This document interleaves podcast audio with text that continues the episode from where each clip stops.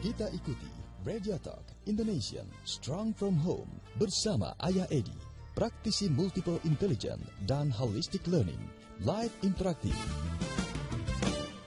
Selamat pagi Indonesia, selamat pagi Smart Listener dan keluarga Indonesia di Palembang, Pekanbaru, Medan, Banjarmasin, Balikpapan, Semarang, Surabaya, Jakarta, Manado, dan Anda yang ada di Makassar. Saya Nancy Moko Ginta kembali menjumpai Anda dalam Indonesian Strong From Home, membangun Indonesia yang kuat dari keluarga, yang hadir setiap Sabtu untuk Anda jam 10 hingga tuntas di jam 12 siang. Tentunya saya tidak sendiri, kita kembali bersama praktisi pendidikan berbasiskan multiple intelligence dan holistic learning Ayah Edi. Selamat malam. Eh, selamat malam jadinya selamat udah pagi kayaknya. Selamat pagi Ayah, apa iya, kabar? Luar udah ketemu biasa. Ayah saking senengnya.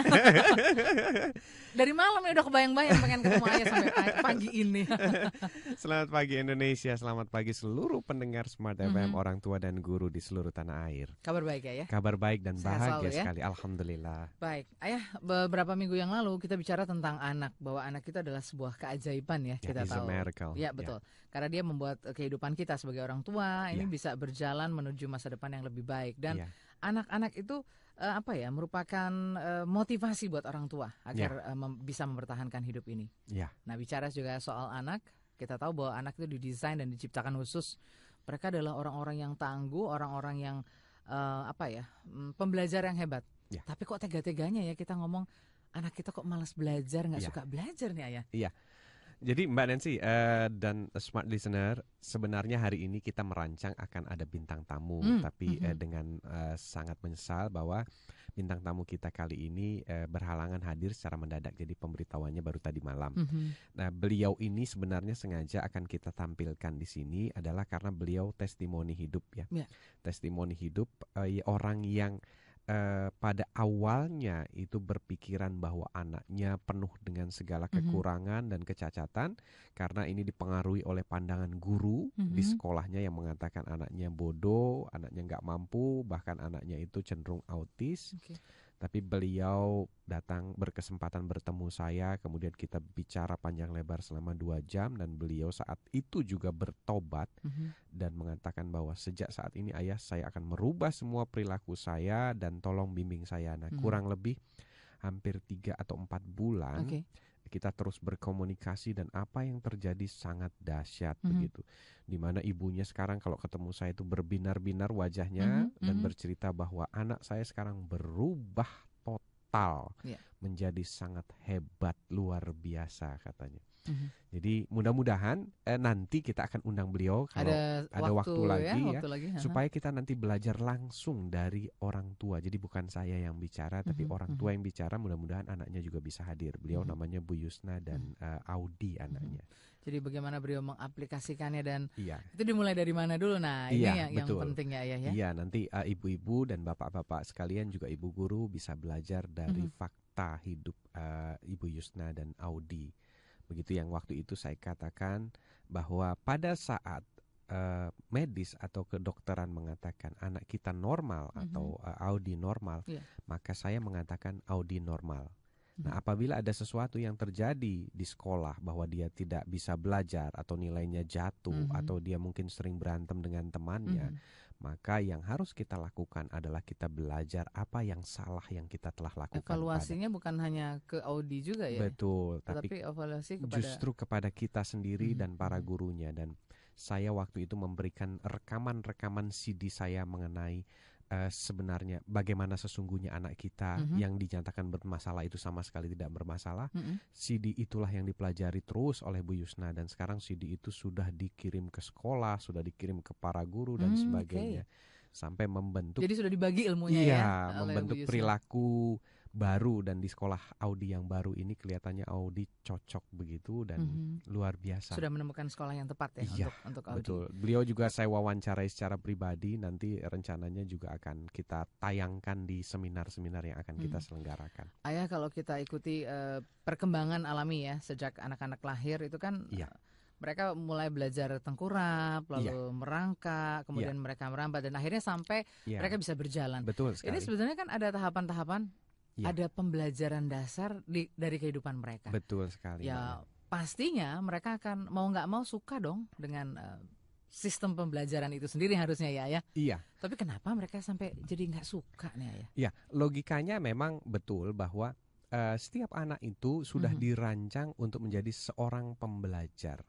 Ya, bukti konkret yang paling sederhana mm -hmm. adalah kita tidak pernah tahu kapan anak kita bisa uh, tengkurap, kemudian merangkak. Hmm. Yang kita tahu adalah oh anakku sekarang sudah bisa tengkurap yeah. begitu. Itu artinya bahwa di dalam dirinya sudah ada software yang terus bekerja untuk software pembelajaran ya. Ya, software hmm. pembelajar yang yang terus membuat seorang anak itu ingin tahu sesuatu yang baru, ingin mencoba sesuatu yang baru dan hmm. sebagainya. Hmm. Hanya apa yang terjadi adalah bahwa dalam setiap anak itu punya keberagaman jadi softwarenya sama, cuma cara dia belajar berbeda-beda. Hmm. Nah, ini yang kurang dipahami oleh hmm. kalangan pendidik dan pembuat sistem pendidikan hmm. saat itu. Saat itu itu adalah 1911. Okay. Jadi kurang lebih 80 tahun yang, yang lalu. Hmm. Nah, kemudian eh, pemahaman saat itu adalah banyak pemahaman yang keliru kenapa anak kita pada akhirnya mm -hmm. tidak menjadi pembelajar sejati. Salah satunya adalah pemahaman bahwa anak ini seragam. Mm. Jadi anak ada seragam. Jadi cara belajarnya seragam, ininya seragam. Nah, e, jadi semuanya yang kita lakukan kepada mereka adalah keseragaman. Bayangkan kalau cara yang kita gunakan itu seragam, seperti kita melihat pelangi dengan kacamata misalnya hijau, maka warna pelangi itu semuanya akan menjadi hijau. Ya. Padahal pelangi itu berwarna-warni. Ada tujuh ya warna. Betul. Nah kemudian uh, apa efek daripada keseragaman itu? Ada dua, ada satu lagi pemikiran yang menghancurkan uh, proses software pembelajaran anak adalah pemahaman bahwa sistem pendidikan itu akan nantinya menghasilkan uh, atau menganut yang namanya bell curve atau kurva lonceng atau hmm. kurva bell. Di situ di, di, dijelaskan bahwa Tuhan itu menciptakan ya filosofisnya adalah bahwa pada saat kita mendidik anak dari 100 orang anak misalnya atau dari 10 orang anak, maka berdasarkan kurva lonceng kalau kita lihat bentuknya mhm. lonceng, mm -hmm. maka nanti akan keluar anak-anak yang sangat pintar yeah. di atas rata-rata, mm -hmm. rata-rata di bawah rata-rata mm -hmm. dan kurang pintar atau mm -hmm. bodoh. Mm -hmm. Nah, mhm. seperti itu. Jadi kurva lonceng ini telah memacu sebuah standarisasi tes, kemudian telah memacu standarisasi berpikir guru dan pimpinan sekolah mm -hmm. bahwa dari proses sekolah ini nanti akan muncul orang-orang yang seperti ini.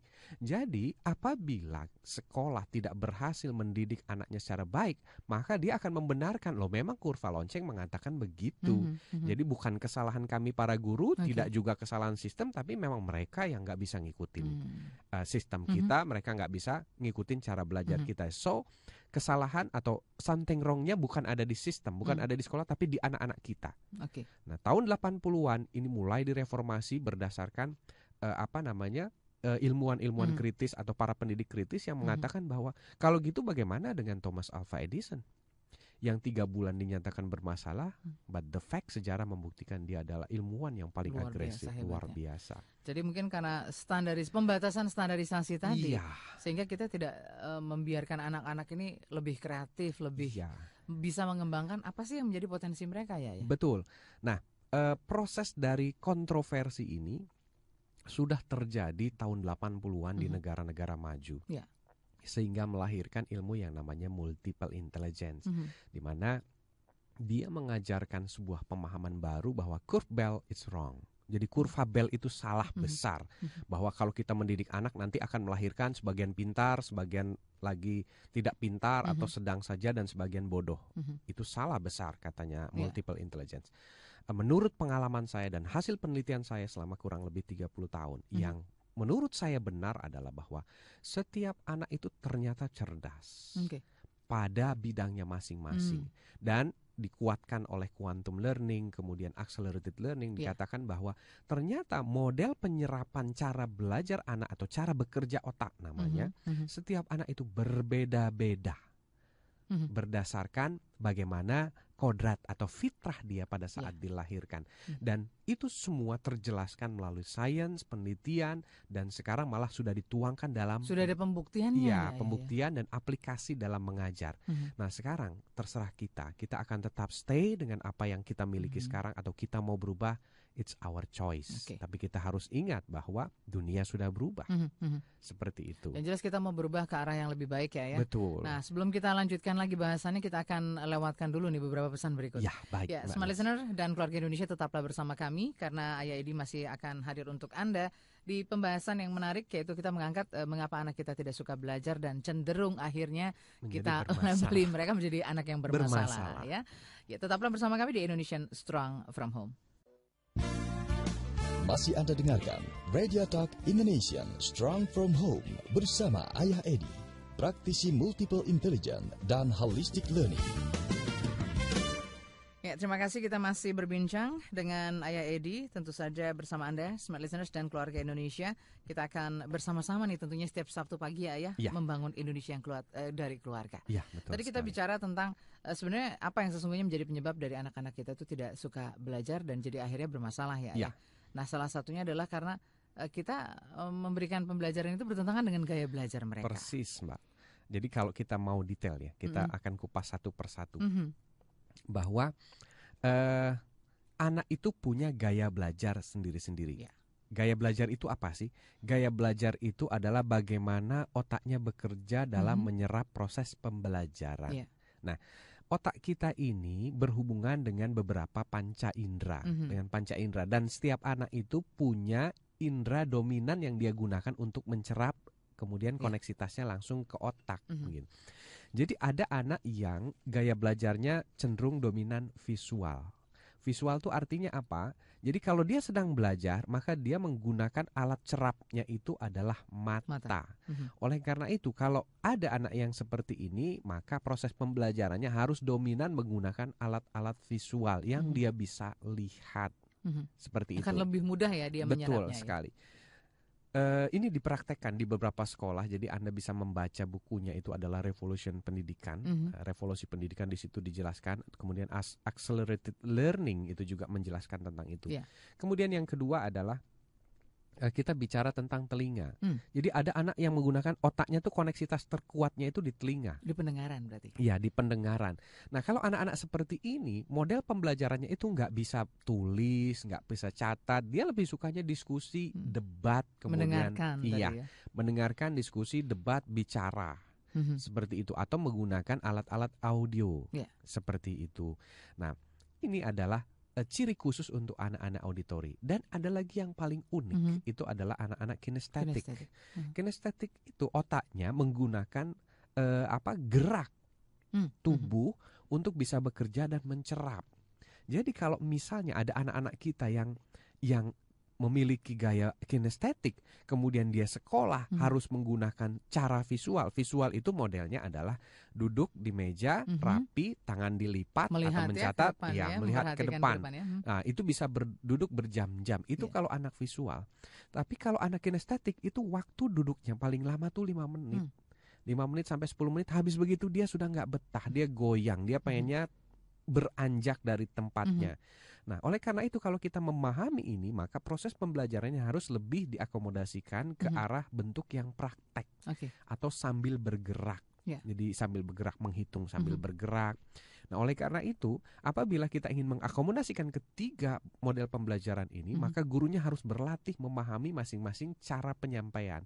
Jadi kapan uh, atau di sesi tertentu dia memperbanyak misalnya alat-alat Mhm. visual, di sesi tertentu dia mempunyai cara belajar sambil bernyanyi, Mhm.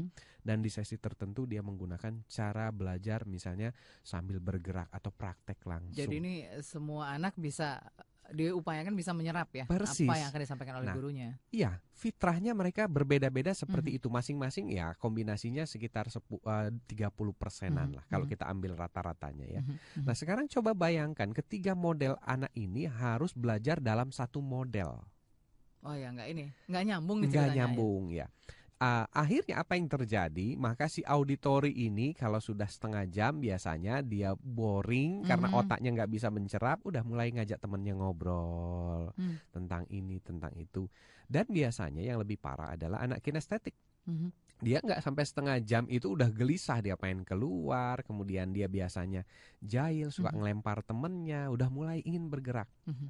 Sayangnya karena ketidaktahuan guru dan sekolah, anak-anak yang punya gaya belajar atau fitrah yang berbeda ini dianggap sebagai anak-anak yang bermasalah. Oke. Yang mengganggu kelas, yang ini dan yang itu akhirnya jatuhlah mereka dihukum, Mhm. dipanggil, dibentak dan sebagainya.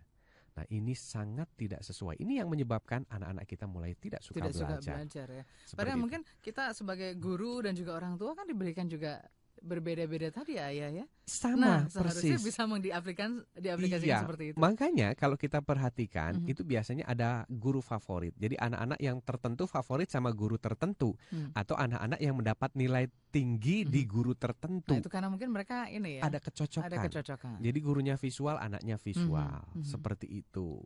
Nah, jadi kita tahu bahwa awal dari ketidaksukaan belajar anak kita Mhm. itu adalah dari ketidaktahuan bagaimana kita mengajar mengajari mereka secara tepat. Mhm. Ini baru satu poin loh, Mbak. Nancy. Jadi evaluasinya bukan hanya satu arah nih ayah ya. Iya, Harus dua-duanya nih ya, Dua gurunya, arah. orang tua dan juga si anak iya, ya. persis. Kita semua berbeda Mhm, begitu. Kita mhm. mengakui, kita tahu sadar berbeda, tapi kadang-kadang kita tidak mau merubah diri kita untuk mengikuti masing-masing perbedaan itu. Persis seperti eh, siapa Mas Halim yang Mhm. tadi siaran bilang bahwa kita semua tahu olahraga itu menyehatkan. Mhm. Kita semua tahu lari pagi itu bagus, tapi kalau ditanya 10 orang tadi pagi lari pagi nggak? Mungkin jawabannya cuma satu ya. Saat yang lari pagi ya. Iya, Termasuk saya juga. iya seperti itu. Oke, nah kita akan coba gali lebih jauh Ya. lagi nih ayah tentang eh, kenapa sih sebenarnya penyebab-penyebabnya. Iya. Pastinya bukan hanya karena gaya belajar ya ayah. Iya, Tapi mungkin apakah karena kekurang pahaman kita tentang cara kerja otak atau ketika si anak ini melakukan proses pembelajaran untuk dirinya nih ayah. Iya, saya ingin eh, menjelaskan satu ya. Eh, Mhm. UNESCO itu sendiri telah menetapkan sebuah standar pembelajaran Mhm. bahwa standar pembelajaran itu ada eh, learning to do, Iya. kemudian ada eh, apa namanya learning to know, learning to do. Oh, enam kemudian- pilar ini ya, Iya, ya. enam pilar Pendidikan pembelajaran. ya, oke. Iya. Mhm. Jadi kita sendiri nggak pernah sadar bahwa sebenarnya dunia itu sudah menetapkan Ada sistem nih, ada, sistem, ada standarnya iya, ada ya. standarisasi bahwa proses belajar itu enam pilar Mhm. gitu. Jadi kita hanya baru melakukan satu pilar dasar yang namanya to know dengan cara yang tunggal, Hmm. yakni cara visual. Mhm. Seperti Padahal itu. anak kita berbeda-beda nih ininya ya. Iya. Nah, kemudian eh yang lain lagi adalah bahwa kita pernah membahas adanya highly order Mhm. thinking. Jadi software dasar pembelajaran anak atau dis operating systemnya komputer ya. Iya. Ya, kalau nggak salah Kita ibaratkan dulu ada ada ini Iya, yang ada yang menjelaskan Betul, ya ada. Pak dari dari apa Ada Banjar ya, listener ya, Mm-mm, menjelaskan bahwa menjelaskan. komputer sebenarnya begini Mhm. dan ternyata komputer meniru manusia Ya. begitu betul sekali itu Pak. Jadi di dalam tubuh anak kita itu sudah ada softwarenya Mhm. yang membuat dia nanti selalu ingin tahu. Ya. Jadi namanya highly order thinking. Nah hanya sayangnya Mhm. pada saat pengaplikasiannya Mhm. model pembelajaran kita adalah doktrinasi. Jadi tidak sesuai sama softwarenya. Iya. Softwarenya itu menganut jawaban terbuka softwarenya. Jadi kalau misalnya eh, anak kita ditanya kenapa misalnya eh, kenapa burung itu bisa terbang. Hmm. Nah, itu harusnya jawabannya bisa bermacam-macam. Mhm.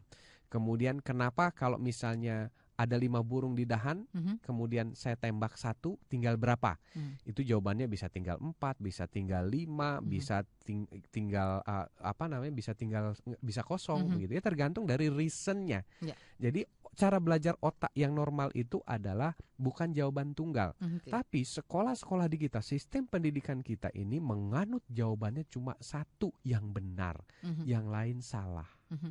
Jadi apa akibatnya otak anak kita itu tidak berkembang.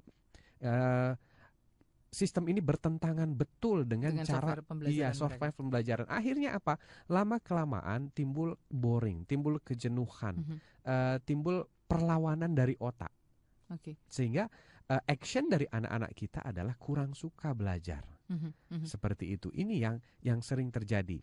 Kalaupun itu dipaksakan oleh sekolah bahwa mereka harus mengikuti sistem jawaban tunggal ini, apa yang terjadi, Mbak Nancy? Mhm. Kita di sini ada gambar, gambar yang menjelaskan tentang Ya. highly order thinking ya. Tadi Betul. tadi Cara berpikir tingkat tinggi ini. Iya, ya, tadi Mbak Nancy tanya eh, apa bedanya eh, cara berpikir tingkat tinggi di negara maju dengan di negara kita. Betul. Nah, tadi saya jelaskan begini. Kalau di negara kita yang diajarkan ke anak kita itu adalah kompleksitas, bukan Mhm. berpikir analisis. Mhm.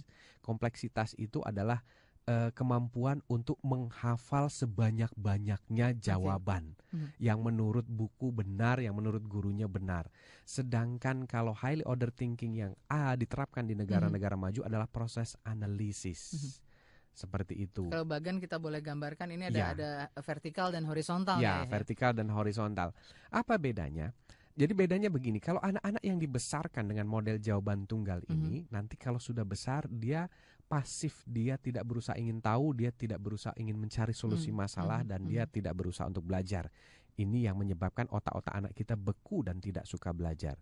Kemarin saya ada kejadian pernah Mhm. cerita ya, Ya. eh, tentang anak seorang eh, apa? Ayah liburan ya ya kemarin. expatriate Mhm. dari New Zealand itu anak SD kira-kira kelas 1 ya kemudian eh, dia berenang sama saya kemudian selesai berenang sama-sama selesai berenang kami punya cottage cuma punya satu kamar mandi Mhm, kita mhm. berkeluarga jadi kalau saya antri Mhm. saya sebagai orang yang dibesarkan dengan cara belajar ke samping saya Iya. sebutnya ke samping jadi kompleksitas Mhm. bukan analisis Iya. saya menunggu bergantian atau bergiliran untuk bisa mandi. Tapi apa yang dilakukan si anak expatriate ini adalah dia ambil alat-alat mandinya dan dia keliling cottage cari kamar mandi yang kosong. Jadi berpikirnya dia sudah benar-benar menganalisa nih. Betul. Wah, saya nggak nggak nggak hanya harus habis waktu saya menunggu di satu tempat ya ya, Iya, tapi berupaya yang lain ini. iya seperti itu.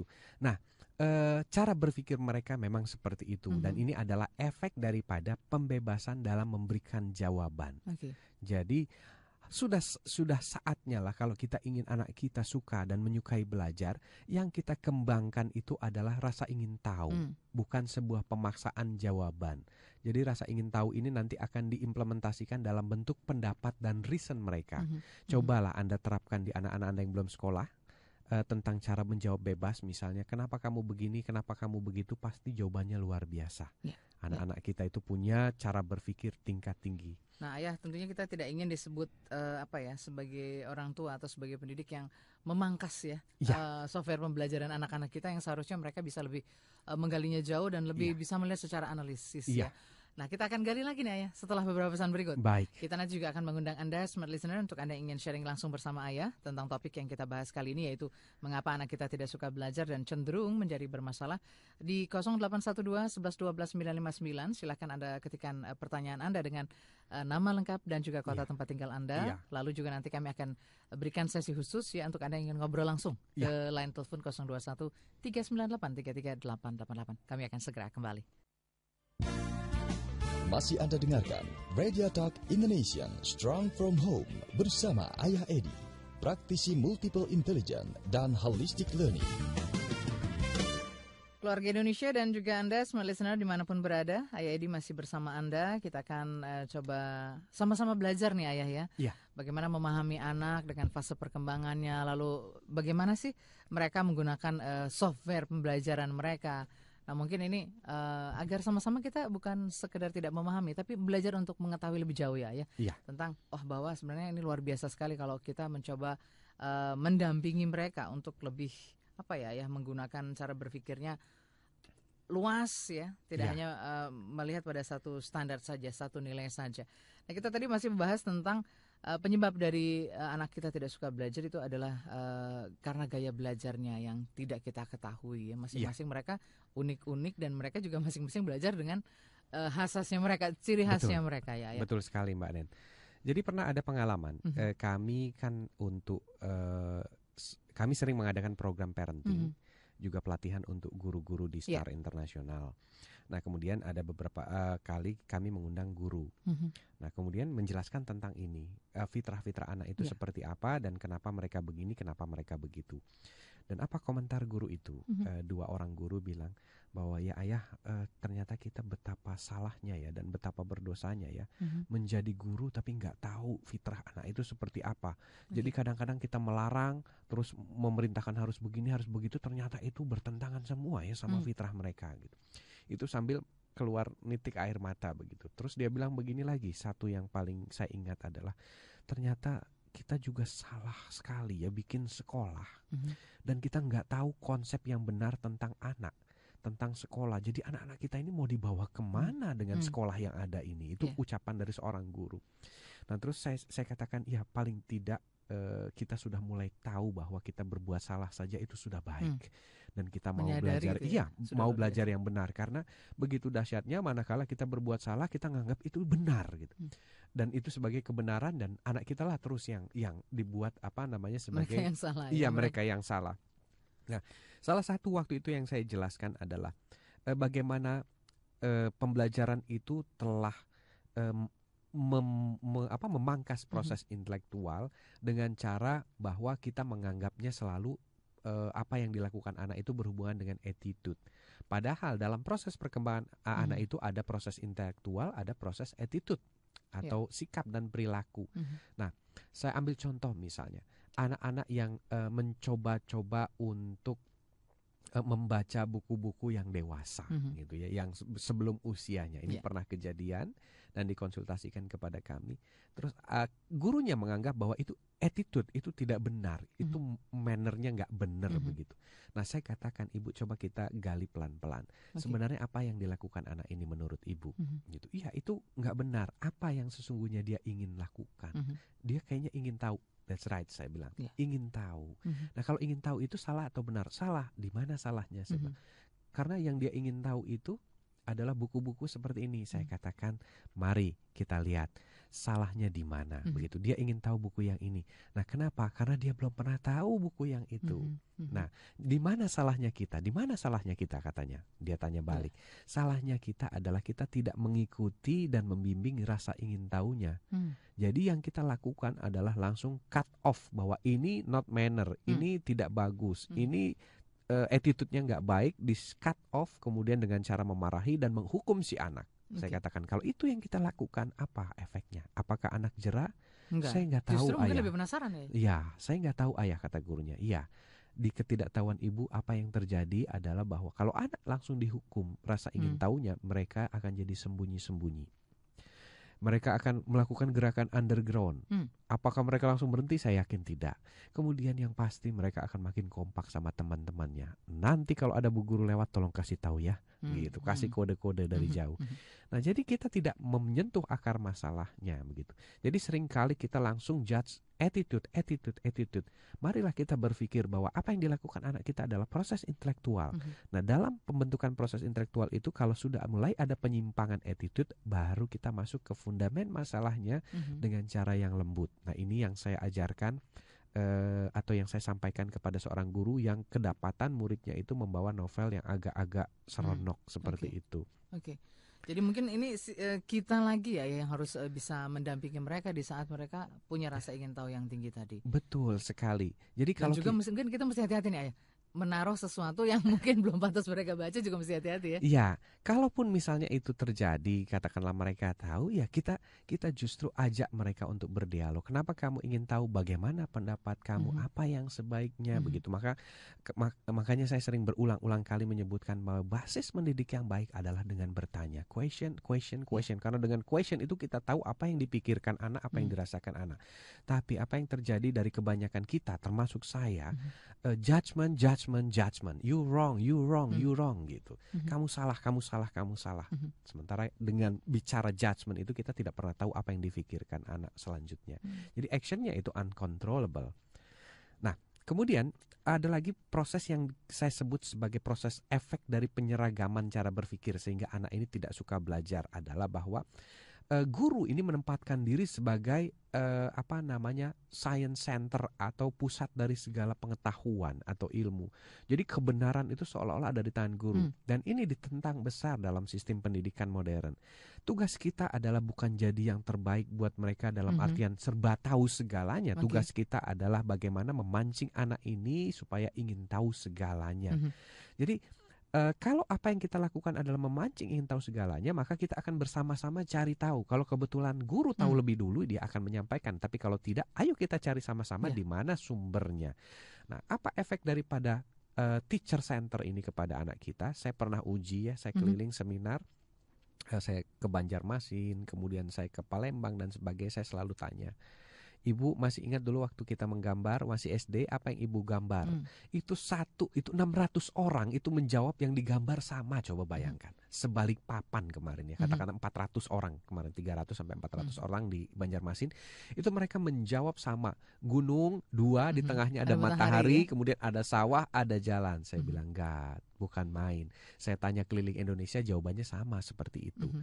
Berarti sudah jelas sekali puncak kreativitas otak kita tidak berkembang. Dan apa yang terjadi saya tanya, anak kita kira-kira begitu nggak? Persis anak kita masih ada sebagian yang begitu Mhm. dan sebagian lagi tidak. Nah yang sebagian tidak ini sudah berita baik, berarti ada perubahan dalam Betul. dunia pendidikan. Betul. Nah ya kalau misalnya kita kaitkan lagi beberapa waktu yang lalu kan Ya. eh, ada prestasi yang cukup membanggakan Ya, dari ya. anak-anak Ya. eh, Indonesia ya mereka berhasil di Ya. bidang eh, biologi Ya. dan juga ada Ya. fisika dan kimia. Ya. Ini kan kebanggaan yang luar biasa ya Ya. ketika kita sebagai orang tua memiliki anak-anak seperti ini. Betul sekali. Tentunya. Mungkin kita tidak hanya ingin beberapa saja nih anak-anak yang eh, seperti ini, tapi Iya. mungkin kita ingin seluruh anak Indonesia juga punya prestasi yang luar biasa. Iya. Tentunya di balik potensi mereka ya. ya. Betul, saya juga ikut bangga sebagai bangsa Indonesia bahwa apa namanya sudah banyak dilahirkan anak-anak yang berprestasi Mhm. seperti itu. Tapi kita jangan lupa juga bahwa Apa nih ya? pada saat kita bicara tentang prestasi, Mhm. kita harus tahu filosofi dari prestasi itu apa dan filosofi dari kegunaan ilmu itu apa. Mhm. Karena banyak teman-teman saya yang kebetulan expatriates eh, sering saya ajak eh, mintai pendapat Mhm. Itu mengatakan bahwa sering kali kita kurang paham mengenai filosofis dari satu eh, apa satu achievement kita. Mhm. Apakah itu yang baik atau apakah itu sudah yang paling tepat begitu? Karena kalau kita bicara tentang filosofis, katakanlah kita sudah menang di lomba ini, lantas untuk apa? Mhm. What for? Mhm. gitu. Nah, banyak anak-anak kita yang dididik di sistem pendidikan kita itu untuk mengejar satu prestasi tertentu, tapi dia tidak tahu mengapa dia harus mengejarnya. Oke. Jadi kalau kita lihat perbedaan dari sistem pendidikan yang berbasiskan pada mengaktifkan otak anak ini Mhm. adalah bahwa kita perhatikan bedanya adalah sejak kecil anak itu sudah punya reason terhadap setiap tindakan yang dia lakukan. Oke.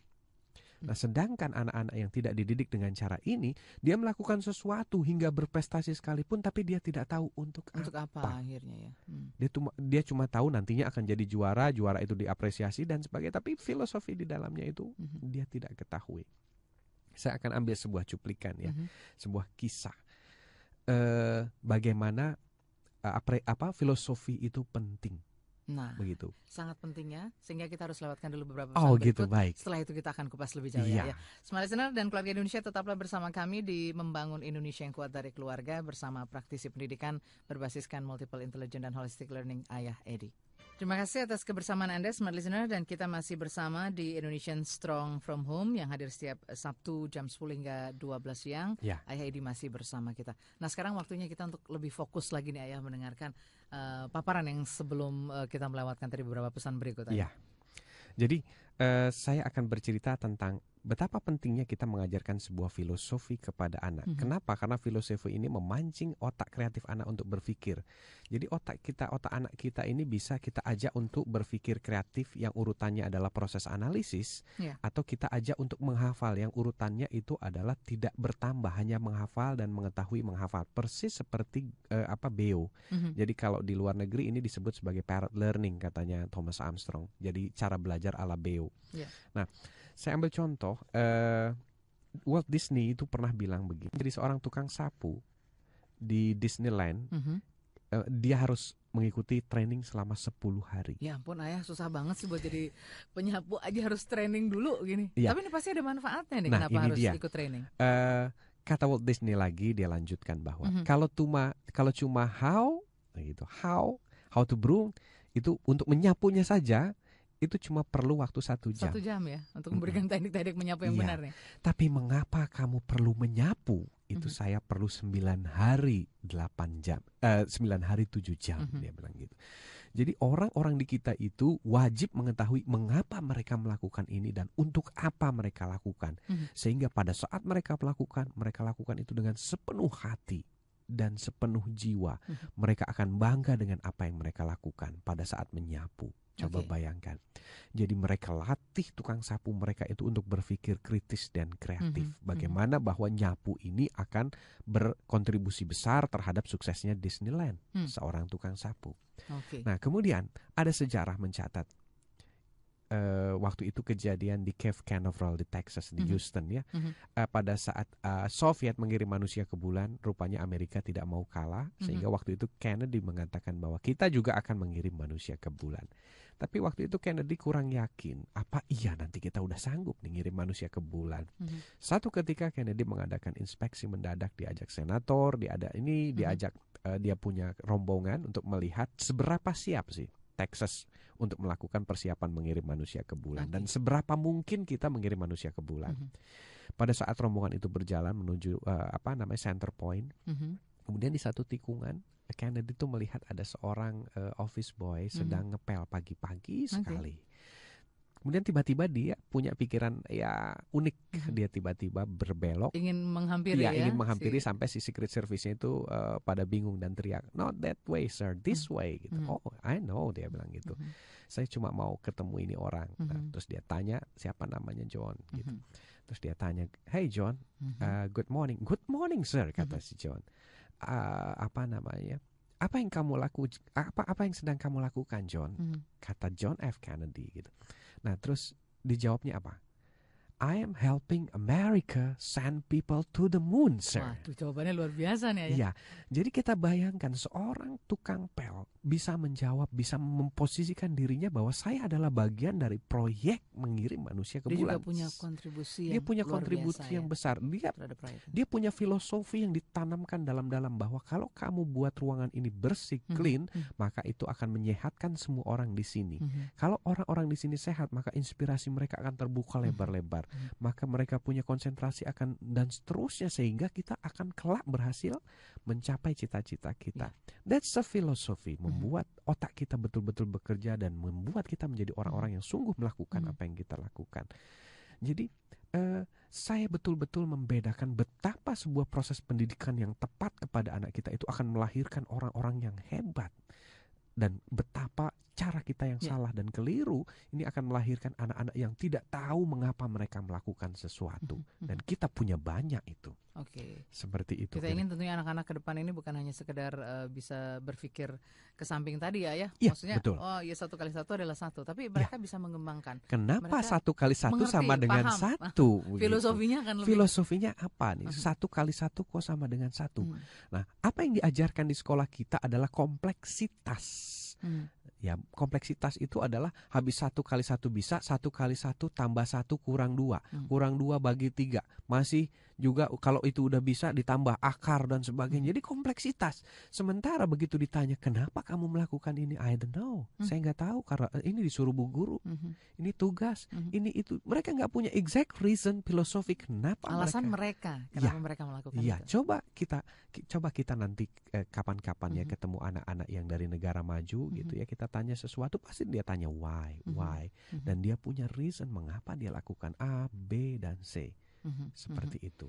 Jadi kita ingin anak-anak kita yang berprestasi ini bukan hanya sekedar mereka berprestasi, tapi mereka tahu apa yang mereka sudah lakukan. Kira-kira Mungkin begitu. kontribusi mereka bukan Iya, hanya untuk diri mereka, iya, tapi teman-temannya yang Iya, lain. seperti jadi ya? sentuhan ke anak kita itu lebih dilengkapi. Jadi pada Mhm. saat dia berprestasi, dia tahu filosofinya Mhm. berprestasi dan untuk apa dia berprestasi dan dia akan lakukan apa next stepnya. Jadi Mhm. tidak hanya sampai di situ. Oke, mereka akan lebih mengembangkannya lagi. Ya, Jadi sangat-sangat menarik ya, ya. Tapi Ya. mungkin untuk menggali lebih jauh waktunya sudah terbatas. Tapi kita akan lewatkan dulu beberapa informasi berikut. Baik.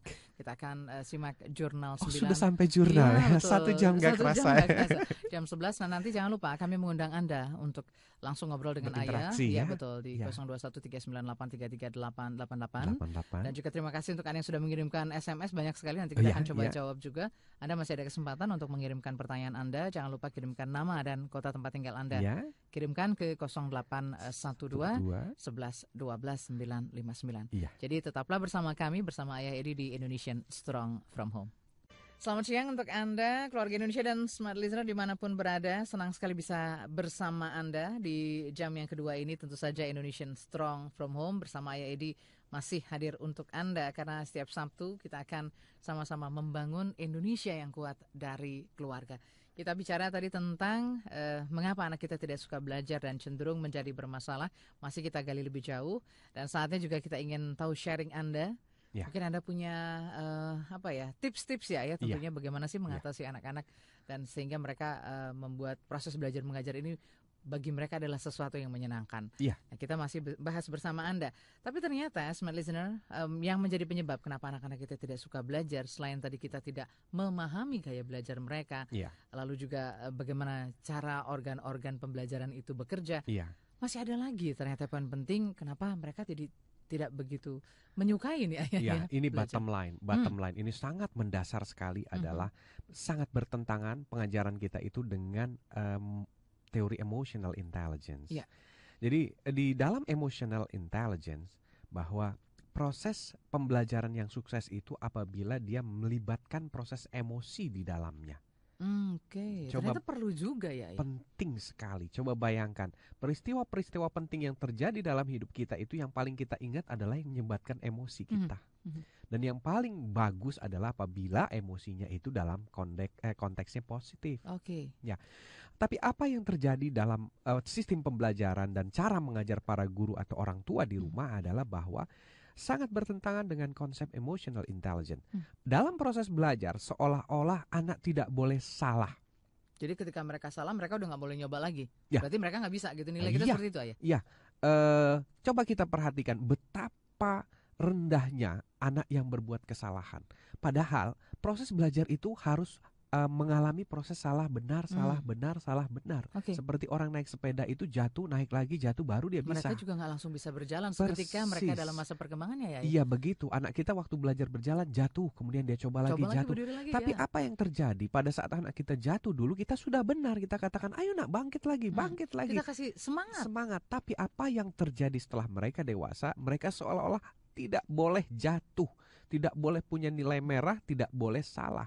Salah satu contoh yang paling uh, sering kita lihat adalah coba lihat hasil daripada evaluasi belajar mm -hmm. anak mhm. kita pada saat dia mengerjakan tugas. Mm -hmm. Kalau benar dia kasih contreng bagus warna biru, tapi kalau salah dia contreng warna merah dengan mm -hmm. tanda silang. Yeah. Bayangkan perbedaan uh, seorang pendidik yang telah menerapkan gaya emosional yang tepat mm -hmm. adalah dengan begini. Kalau misalnya anak melakukan kesalahan, dia katakan, "Uh, sayang, kamu hebat sekali. Mm -hmm. Dari 10 soal kamu bisa tujuh yang benar." Mm -hmm. Waduh, kalau besok ditambah satu jadi delapan yang benar, ibu sangat senang sekali. Kira-kira anaknya mau nggak nambahin? Pasti mau. Ya. Pasti Dia mau. akan berusaha lebih baik iya. lagi. Apa yang terjadi di kita dan orang tua pada juga guru adalah apabila anak kita ada salah dua hmm. dari dari sepuluh soal, hmm. maka fokus kita ke yang salah dua itu. Aduh, nak kamu, aduh. Masa gitu aja nggak bisa Masa sih? gitu oh. aja nggak bisa hmm. ya? Tuh mestinya kamu dapat sepuluh. Hmm. Jelas itu mendaunkan mental anak kita. Begitulah cara kita mendidik pada anak-anak kita itu dengan menerapkan pressure-pressure negatif hmm. sehingga emosi yang lahir dari mereka negatif sehingga apa yang terbangun dalam persepsi anak-anak kita adalah belajar itu tidak menyenangkan. Hmm. Hmm. Nanti kalau hmm. saya gagal saya akan begini begini begini tidak ada dorongan bagaimana hmm. supaya mengatasi proses uh, demi proses dari proses pembelajaran itu. Boleh saya ambil contoh satu yang paling dahsyat. Hmm. Saya belajar dari bagaimana Thomas Alva Edison dibesarkan oleh Nancy Elliot. Hmm. Nancy Elliot itu bukan orang hebat, hmm. maksudnya bukan seorang yang bagaimana begitu. Beliau ibu rumah tangga biasa. Ibu rumah tangga ya. biasa ya, mantan guru dulunya. Hmm. Nah, kemudian apa yang dilakukan Nancy Elliot adalah selalu memotivasi dan menanamkan emosi positif pada Thomas Alva Edison. Mm -hmm. Jadi pernah satu ketika Thomas tanya, "Mami, aku mau belajar ini, Mami." Jawaban maminya cuma begini, "Sayang, Mami nggak tahu tentang itu tapi jangan khawatir mm-hmm. mami pasti akan temukan orang yang bisa mengajari mm-hmm. kamu selalu begitu mm-hmm. mami aku pengen punya ini nanti ah, mami akan cari mhm. selalu begitu jadi mm-hmm. Thomas itu selalu diberi motivasi someday mm-hmm. Thomas ingin tahu sesuatu Nancy sudah uh, cari-cari nggak ketemu mm-hmm. orangnya okay. selama tiga bulan terus apa katanya maminya mami mana dong katanya begini-begini mm-hmm. begitu Thomas mm-hmm kamu tahu mami sudah berusaha keras untuk menemukan orang yang bisa menjelaskan kamu, tapi mami nggak temukan orang itu. Mm-hmm. Terus gimana mami? Mm. Do you know it? Apa kamu tahu itu mm. artinya Thomas? Yeah. Itu artinya Tuhan menginginkan kamu nak yang menemukan jawabannya. Hmm, ini kita menurunkan emosi positif kita kepada si anak. Iya, sampai apa efek dari kalimat-kalimat Nancy itu pada Thomas? Pada saat Thomas menemukan lampu, mm-hmm. itu dia mengalami kegagalan 999 kali yang dimuat di surat kabar. Tapi Thomas langsung ke redaksinya bilang, kamu memberitakan hal yang salah. Hmm. Kaget redaksinya, di mana kesalahannya? Kata Thomas, yang benar adalah saya telah berhasil menemukan 999 logam yang tidak cocok untuk digunakan sebagai lampu. Hmm luar biasa efeknya, Mbak. Mm -hmm. Jadi penting sekali ini ditanamkan kepada kita semua guru dan para orang tua. Jangan pernah menanamkan emosi yang negatif pada saat anak kita dalam proses pembelajaran. Oke, nah supaya kita bisa menularkan ilmu positif tadi ya, ya bagaimana membiasakan mereka untuk ya. berpikir filosofi apa sih ya. yang harus mereka gali lebih jauh dari Betul. apa yang mereka lakukan. Kita akan coba simak dulu yang berikut ini. Iya.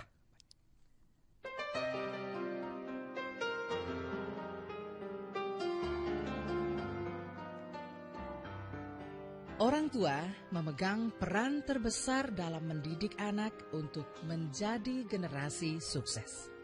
Namun apabila orang tua lengah, maka peran tersebut akan diambil alih oleh lingkungannya. Mari kita ambil kembali peran itu dalam mendidik anak melalui program Indonesian Strong from Home bersama Ayah Edi.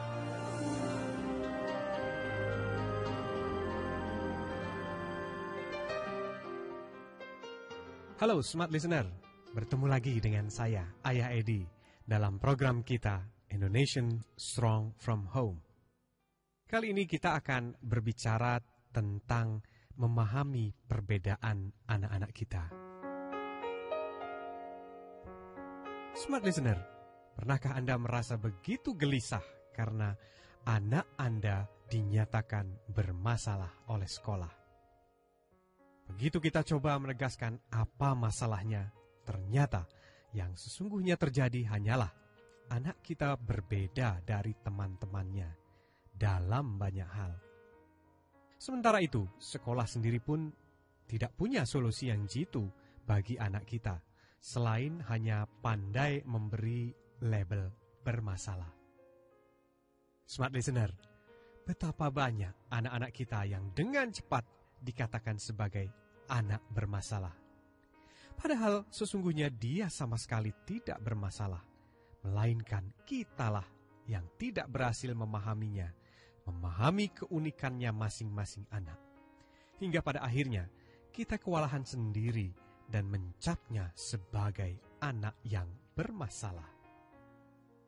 Para orang tua yang berbahagia, paling tidak ada tiga sebab mengapa anak yang tidak bermasalah pada akhirnya menjadi benar-benar membuat masalah.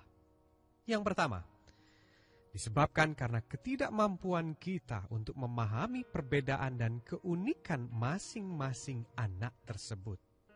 Yang kedua, disebabkan karena ketidakmauan kita untuk mempelajari dan menyikapi perbedaan mereka masing-masing dan mendidik sesuai dengan keunikan masing-masing. Dan yang terakhir adalah adanya pemahaman yang kolot yang menganggap anak yang baik adalah anak yang penurut, pendiam, tidak banyak komentar, dan tidak banyak menentang, dan seterusnya.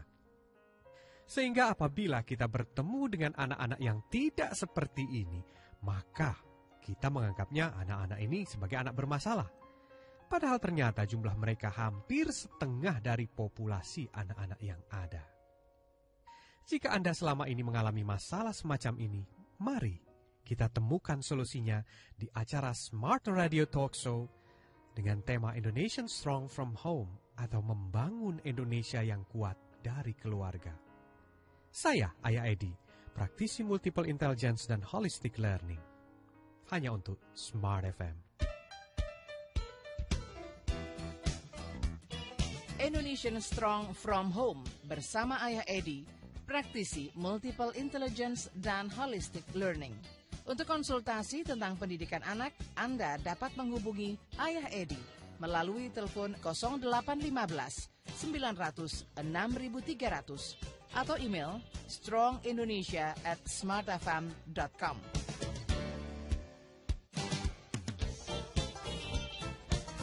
Ya, smart listener dan juga keluarga Indonesia kita sudah uh, belajar lagi ada satu poin ya ayah yang luar biasa bahwa Iya. ternyata di dalam uh, uh, sistem pembelajaran sehingga anak-anak itu begitu menyukai proses belajar mengajar itu adalah bagaimana melibatkan emosi positif mereka. Iya betul sekali Hmm. Mbak Nen. Oke, kita tadi udah uh, mendengarkan sesuatu yang menarik ya Ya. dari dari insert dan saatnya juga ini smart listener sudah ingin sharing sama ayah baik, ini baik ya. kalau gitu. Kita akan segera kembali membuka line 0213983388 dan juga SMS akan segera kita jawab beberapa pertanyaan yang sudah Anda kirimkan eh, ke 081211129959 supaya jawabannya lebih enak, lebih fokus ayah. Karena Ya. kita harus tetap fokus nih ya Mm, dengan topik yang akan kita bahas kali ini. Eh, masih kita bahas bersama Anda. Kita akan lewatkan dulu beberapa pesan berikut. Ya. Jadi tetaplah bersama Baik. kami.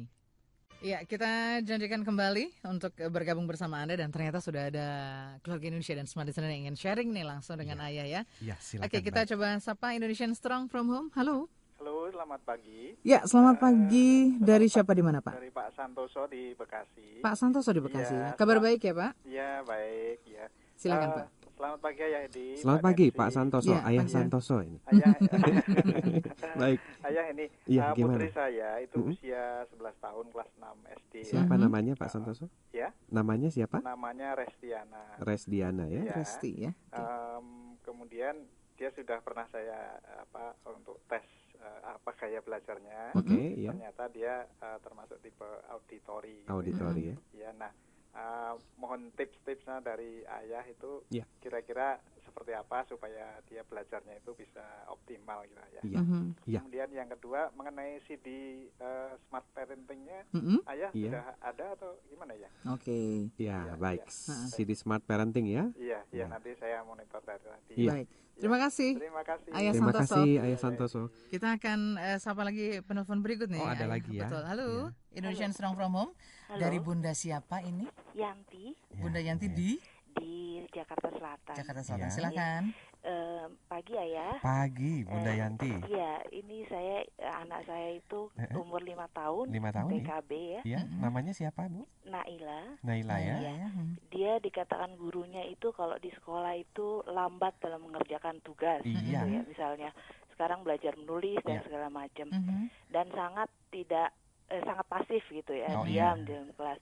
Nah, tapi walaupun saya di rumah juga suka belajar, tapi saya tidak memaksa. Iya. Eh, eh, jika anak saya ngajak saya belajar, baru saya ini ikuti Iya. apa mau dia gitu. Iya. Oke. Dan dia tidak begitu.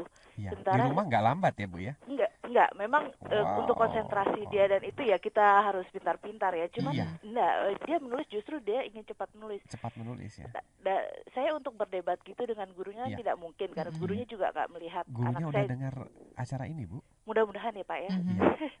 Mudah-mudahan karena eh, dan saya saya pernah sekali sengaja nunggui di sekolah satu Mhm. hari gitu Iya. Iya. eh, dari jauh. Eh, pada saat istirahat pun eh, dia nggak bersosialisasi Iya. gitu. Iya. Saya melihat ada ketidaknyamanan gitu bahwa Iya, dia untuk untuk me- menyerap pelajaran. Iya. Dan saya lihat juga gaya gurunya adalah di dalam satu kelas itu memang ada Iya. yang sudah bisa lancar nulis dan dia dan dia selalu mencontohkan seperti si A ini wow. udah rapi gitu Iya, ini iya, dan iya, ini iya, gitu. iya. Mhm. Nah sekarang saya lihat sekolah itu kok manfaatnya kurang kurang kurang banyak untuk anak saya dari segi Iya, iya, sosialisasi iya, anak saya iya. nggak dapat. Mhm. Apakah saya harus bertindak ekstrim mengeluarkan sekolah saya ajari sendiri Iya. Mhm. atau bagaimana gitu Pak Iya. eh, Ayah Edi Iya. sebaiknya ini? Oke. Iya. Dan em, bagaimana caranya eh, untuk itu kita tahu tipe belajar anak kita gitu, Mm-mm. Ayah Iya. Edi. Iya. Oke. Iya. Saya juga tertarik dengan CD-nya Pak eh, Smart Parenting. Iya, Di, iya. di mana saya bisa dapatkan? Iya. Ya. Baik. Baik. Ibu. Terima kasih. Terima kasih. kembali Ibu Yanti. Bu Yanti di Jakarta Selatan. Kita akan ke um, Ayah Santoso dulu nih ya. Iya. Ayah di Bekasi. Pertanyaan tentang uh, tips ya dari Ayah bagaimana sih uh, supaya sistem pembelajaran khususnya untuk anak-anak yang auditori ini lebih efektif Ayah. Baik. Jadi kalau anak auditori itu kira-kira gambarannya seperti ini, Pak. Mhm. Eh, auditori ini perlu di mapping lagi Mhm. nanti kombinasinya macam-macam, Mbak. Dia tidak hanya auditori gitu Iya. ya. Nanti dari auditori itu otak kiri atau otak kanan yang dominan, Mhm. itu lain lagi cara pembelajarannya. Jadi Mhm. ini kita coba ambil yang paling simpel dulu anak auditori. Eh, anak auditori itu ada tiga nanti. Apakah dia auditorinya itu ke kinestetik dulu, mm-hmm. baru visual atau auditorinya ke visual dulu baru kinestetik. Okay. Nah, itu nanti mm-hmm. uh, dari perilaku anak bisa kelihatan tuh. Mm-hmm. Eh, kalau yang auditorinya itu ke kinestetik mm-hmm. dulu, ciri-cirinya ciri-cirinya ya, ya. Biasanya dia rame di rumah mm-hmm. sambil lompat-lompat mm. gitu. Jadi dia lompat-lompat dan sambil berteriak. Anak yang riang gitu ya. Iya, riang gitu. sekali. Nah, kalau auditorinya itu sama visual, biasanya dia anak yang banyak bertanya tentang hal-hal yang dia lihat. Itu apa? Ini apa? Ini apa? Ini mm -hmm. ini. Mm -hmm. Dia tanya terus begitu. Mm. Nah, Uh, saya tadi uh, apa belum tahu Pak Santoso kira-kira auditorinya yang ke kinestetik atau ke yang visual. Mm -hmm. Nah, untuk membantu anak-anak yang auditori dominan ini, uh, cara belajarnya adalah dengan pertama uh, dia akan sangat lebih baik kalau dia mendengarkan. Jadi kalau misalnya dia pulang dari belajar, kita tanggapi, kita tanya, tolong dong ceritakan kamu belajar apa itu akan sangat membantu dia. Hmm. Jadi pada saat dia menjelaskan itu sebenarnya dia sedang belajar. Yeah. Kemudian yang kedua kita bisa ajak dia juga misalnya untuk eh yuk kita belajar rekaman yuk nanti hmm. dibelikan alat rekaman. Hmm. Kemudian kamu rekam apa yang tadi kamu pelajari, papa mau dengar hmm. misalnya. Nah nanti uh, dalam dia proses merekam itu dia belajar. Jadi pada saat dia belajar itu dia harus ada suara-suara. Okay. Nah, kemudian nanti habis begitu coba kamu dengarkan lagi nih hasil rekaman kamu. Papa udah dengarkan. Nanti mm -hmm. papa mau tanya tentang beberapa hal. Dia suruh rekam, dia suruh dengarkan, kemudian nanti dia dengarkan. Nah, itu proses belajarnya mm -hmm. dia. Mm -hmm. Jadi eh, cara-cara belajar yang perlu digunakan di sini adalah yang melibatkan unsur mendengarkan. Yeah. Kemudian yang kedua, auditori itu berhubungan langsung dengan uh, bicara. Mm -hmm. Jadi uh, au, apa organ bicaranya itu harus diaktifkan. Mm. Jadi uh, dia akan sangat cepat sekali uh, proses belajarnya kalau misalnya kita sering tanyakan kenapa begini, kenapa diskusi begitu. ya, iya, diskusi. diskusi. Modelnya gitu ya. diskusi. Jadi event matematika, hmm. event apa pun ada hmm. proses diskusinya. Lo kenapa kok jalannya jadi sekian? Kok hmm. ini tambah sekian sekian jadi sekian hmm. begitu. Biasanya anak-anak auditori ini punya kecenderungan logik logika ekspresional. Jadi dia sering uh, menggunakan logika-logikanya dalam berekspresi atau dalam berbicara. Kok mm. ini nggak begini, ini nggak begitu, mm. begitu. Mm -hmm. Nah biasanya seperti itu. Jadi salah satunya ya uh, tips dari kami seperti itu Pak Santoso. Jadi yeah. libatkan unsur-unsur uh, pendengaran mm -hmm. dan bicara. Nanti kalau bisa kita sampaikan kepada gurunya juga melibatkan hal yang sama. Mm. Jadi supaya ada keseimbangan antara ya. rumah dan sekolah seperti itu. Kemudian mengenai CD smart parenting mm-hmm. yang uh, jadi smart parenting itu ada dua. Jadi ada smart parenting yang recording khusus untuk tips-tips, ada smart parenting yang talk show kita. Yeah. Nah, yang talk show ini hari ini itu sedang di burning untuk segera diproduksi, Pak. Mm-hmm. Jadi itu temanya sangat sangat dahsyat ya mm -hmm. kalau minjam istilahnya Pak Tung mm -hmm. sehingga banyak ibu-ibu yang mendengarkan di rumah itu tersadarkan sampai gurunya pun tersadarkan yeah. sampai kedua yayasannya pun tersadarkan. Mm -hmm. Mudah-mudahan ini akan sangat berguna dan kita akan uh, berikan harga yang termurah yang kita bisa berikan. Kenapa? Terjangkau lah ya. Terjangkau ya. ya. Karena tujuan kita ini tidak hanya dikonsumsi oleh para orang tua tapi orang tua akan memberikan gift kepada para guru mm -hmm. supaya ini akan bisa membawa perubahan. Kita jadi akhirnya kita semua. Uh, punya uh, kesamaan ini ya, visi ya ya. Betul. Jadi Betul. ini nanti akan lebih efektif lagi nih bagaimana kita iya. anak-anak mengajar kepada anak-anak iya, mudah-mudahan. Ya, Bu Yusna ini pun melakukan hal yang sama jadi membagi-bagikan hmm. kepada guru. Saya sering sampaikan tolong gurunya juga diajak untuk berubah. Hmm. Baik, uh, mudah-mudahan sudah menjawab untuk pertanyaan ya. Pak Santoso di Bekasi. Ya, baik. Uh, salam buat Restiana tadi ya. ya. Putrinya dan kita ke pertanyaannya Bu Yanti, Yanti di ya. Jakarta Selatan. Ya. Nah, ini gimana nih Ayah bisa mengkomunikasikannya dengan sekolah? Ini mungkin uh, jalan keluar pertama yang harus dilakukan Ibu ya? Iya, begini Bu Yanti, uh, saya melihat Naila ini uh, hanya mendapat judgement dari guru hmm. katanya lambat. Jelas dari cerita ibu yang singkat ini sangat minim sekali pengetahuan gurunya tentang memahami anak dan bagaimana dia bisa mengajar sesuai dengan fitrahnya Naila. Mm -hmm. Apa efeknya?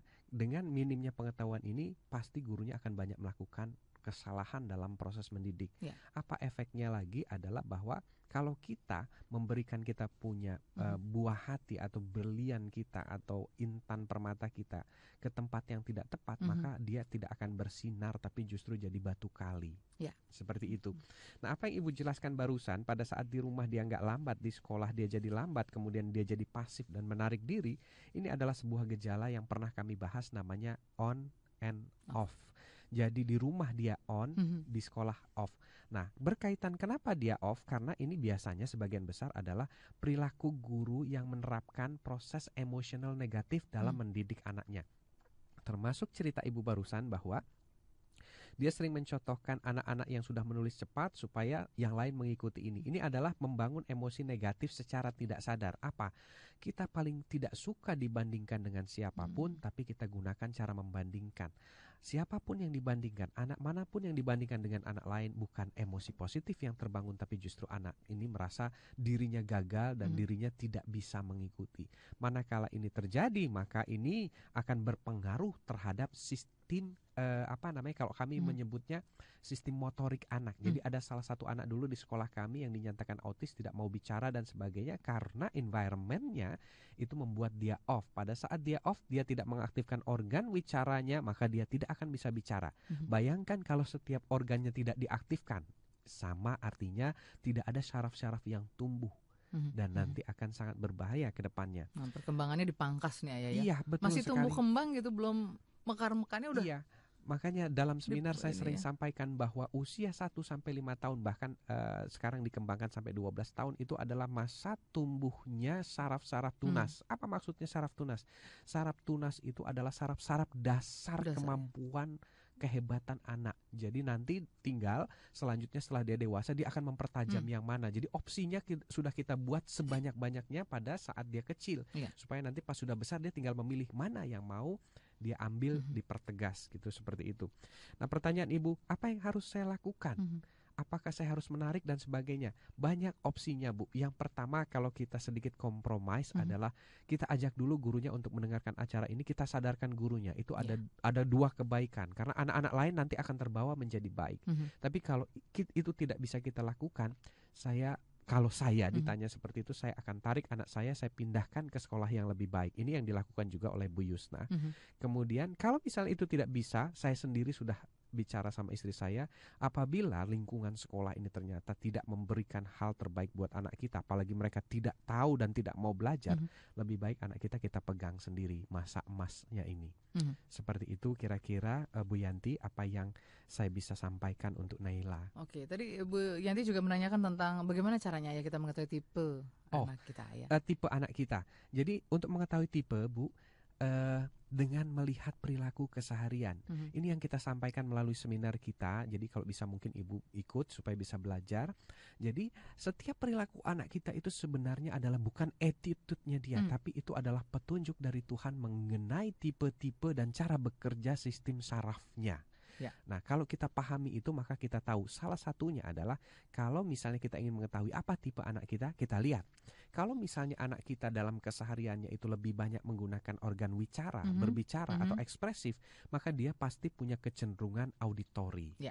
Manakala anak kita lebih banyak diam, melihat, apalagi kalau datang ke satu tempat biasanya dia diam dulu, tenang, matanya lihat sana, lihat sini, Hmm, scanning. mhm. Setelah berapa, setelah setengah jam baru dia mau bergaul dan sebagainya, bersosialisasi. Dia Itu mengamati dulu ya. Berarti Betul. ini visualnya, anak-anak Visual. visual. Nah, sedangkan kalau anak kinestetis itu dia cepat sekali, dia tanpa screening, tanpa kehati-hatian, begitu masuk ke satu tempat langsung lompat sana, lompat sini, Langsung lari mudah sana, ya, lari sini. Iya. Adaptasinya mudah Iya, sekali. adaptasinya mudah sekali dan biasanya anak kinestetis ini cenderung tidak banyak bicara tapi banyak bergerak. Banyak bergerak. Nah, belum lagi nanti kita bahas kombinasi apakah auditori ini di urutan keduanya kinestetis Mhm. atau uh, Justru visual. kayak, Iya. Jadi urutan yang pertama. Iya, ini ada pengaruhnya dalam proses cara pembelajaran anak. Baik, ayah. Nah ini kita harus bergerak lagi untuk melewati Ya, beberapa pesan berikutnya. Baik, Setelah gitu. itu kita akan eh, bergabung lagi dengan Anda. Ya. Jadi kesempatan untuk merespon eh, pertanyaan Anda melalui SMS dan juga eh, menerima line eh, telepon ya dari Anda. Jangan ke mana-mana, tetaplah bersama kami di Indonesian Strong From Home. Smart listener dan keluarga Indonesia, ya Edi masih bersama Anda dan kita berharap dari topik yang kita bahas hari ini ya, ya kita bisa Ya. lebih memahami anak-anak kita sehingga eh, bisa mendampingi mereka untuk eh, menyerap ya proses Ya. belajar mengajar itu sesuai dengan eh, apa ya gaya belajar mereka Ya. dan juga mungkin tipe-tipe mereka nih. Ya. Jadi pastinya pembelajaran itu akan lebih menyenangkan buat mereka. Baik. Ini ada pertanyaan melalui SMS kita Ya. coba jawab dari Ibu Erni di Medan Ibu Erni, ya. 0819730 sekian sekian sekian. Anak saya tiga setengah tahun, ayah namanya eh, Yohanes. Mm-hmm. Uh, saya berharap kalau dia nanti masuk TK, dia sudah mengenal angka.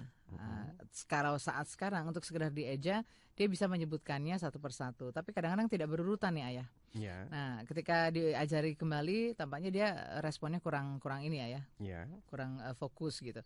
Nah, Uh, yang yang menarik buat saya adalah ketika dia belajar mengenal tentang hewan-hewan. Uh, nah ini dia yeah. sangat antusias. Yeah. Jadi dia bisa cepat menangkap.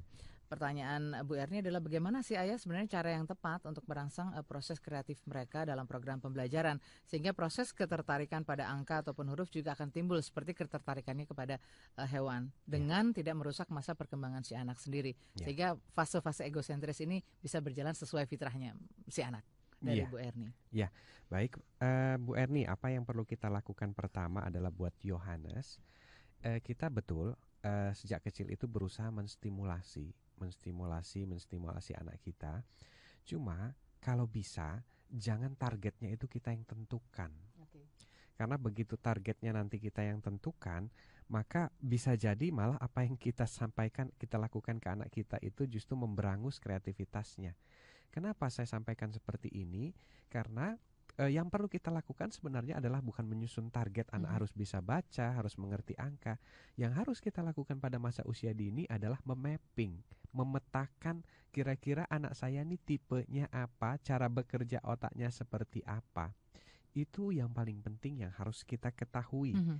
Nah, kalau berkaitan dengan angka dan sebagainya, nanti akan kita lihat dalam konteks multiple intelligence ada memang anak yang kekuatan logikanya besar dan dia kalau diajari angka cepat. Yeah.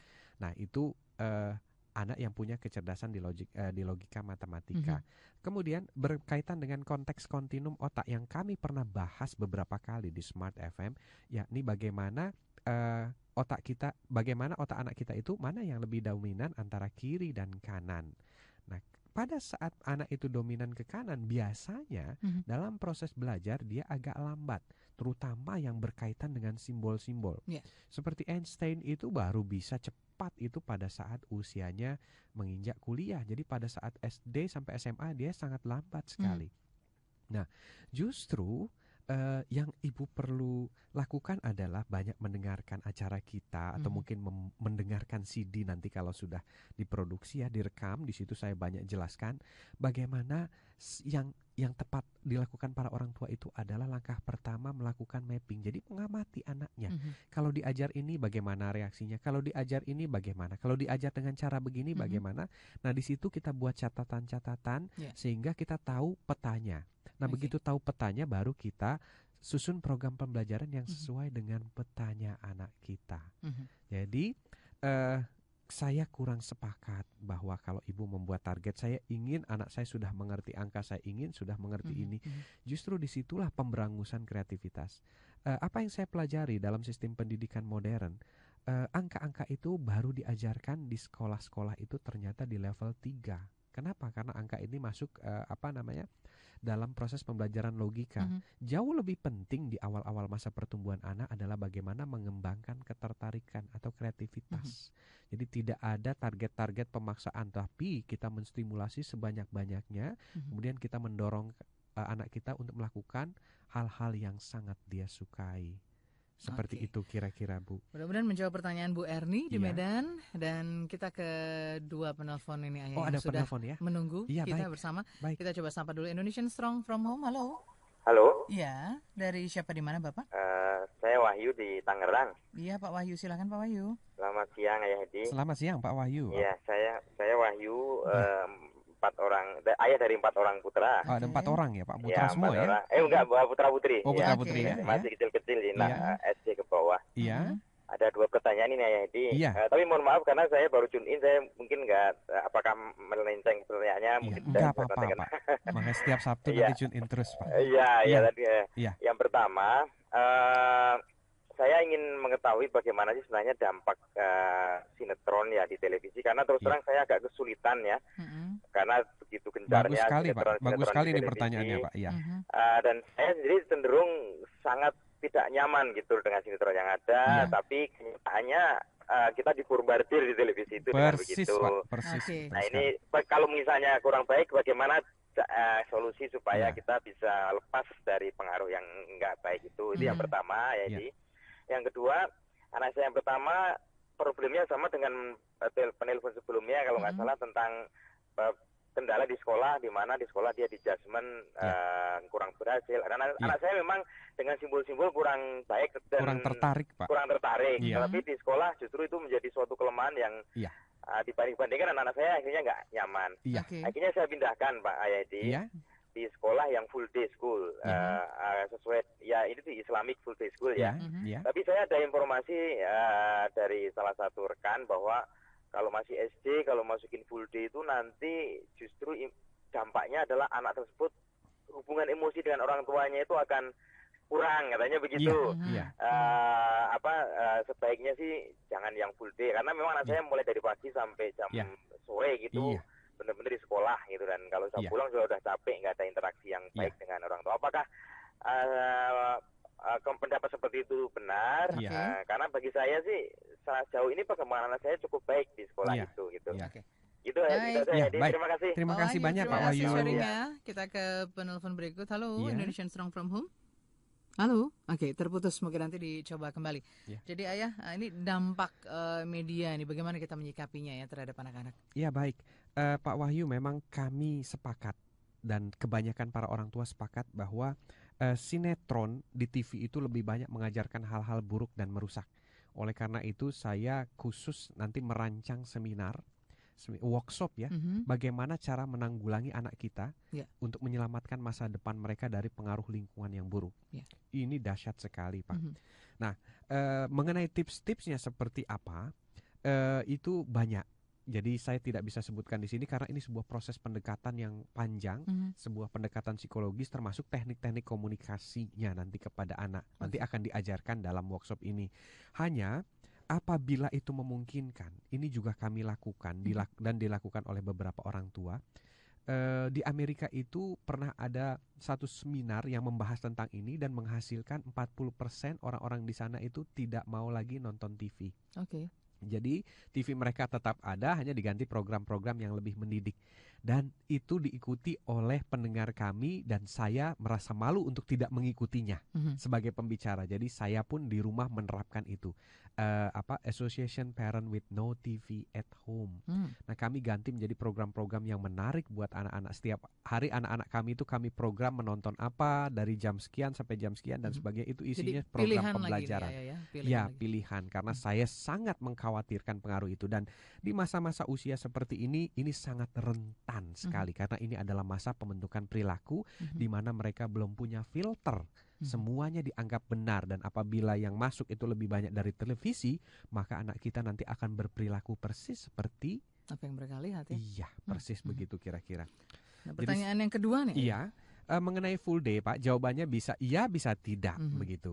Hanya tergantung dari menu dari sekolah tersebut yeah. gitu. Bagaimana gurunya mengajar, mm. apa yang diajarkan, mm. bagaimana pembelajaran itu berlangsung. Mm. Jadi tidak benar kalau misalnya full day itu menyebabkan kita kurang dekat dengan anak. Ya tergantung kalau yeah. di sana diajarkan tentang karakter kedekatan dan sebagainya ya akan menjadi baik sekali. Mm. Jadi lama waktu itu menentukan jadi menentukan uh, berapa banyak yang diserap. Nah, sekarang apa yang diserap ini yang jauh lebih penting. Yeah.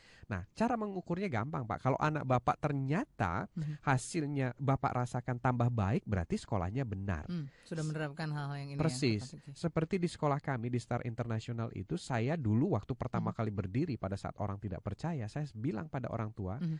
ibu sekolahkan anak ibu di tempat kami. Kami akan berikan yang begini-begini yang hmm. terbaik. Tapi kalau dalam tiga bulan tidak ada perubahan yang ibu rasakan, ibu hmm. tarik dari sini. Okay seperti itu itu garansi kami waktu hmm. itu hmm. jadi yang penting itu adalah apa yang apa diberikan yang diserap ya oleh iya, anak kita jadi jangan khawatir Pak Wahyu baik kita uh, masih ada pertanyaan melalui SMS nih ayah iya, iya. dari Ibu Tika di Jakarta ya assalamualaikum iya. ayah uh, Waalaikumsalam bagaimana cara menanamkan uh, bagaimana membuat mereka jadi punya filosofi yang baik ini untuk iya. anak-anak ya. usia 3 sampai enam ya hmm. baik Uh, yang paling sederhana Butika yang bisa saya sampaikan hari ini adalah Butika kalau kita sebagai orang tua termasuk saya ya yeah. orang tua pada umumnya uh, sering melakukan judgement judgement atau kesimpulan mm -hmm. awal atau uh, apa pendapat-pendapat yang mm -hmm. dipaksakan kepada anak tolong itu nanti diganti yeah. dengan question mm -hmm.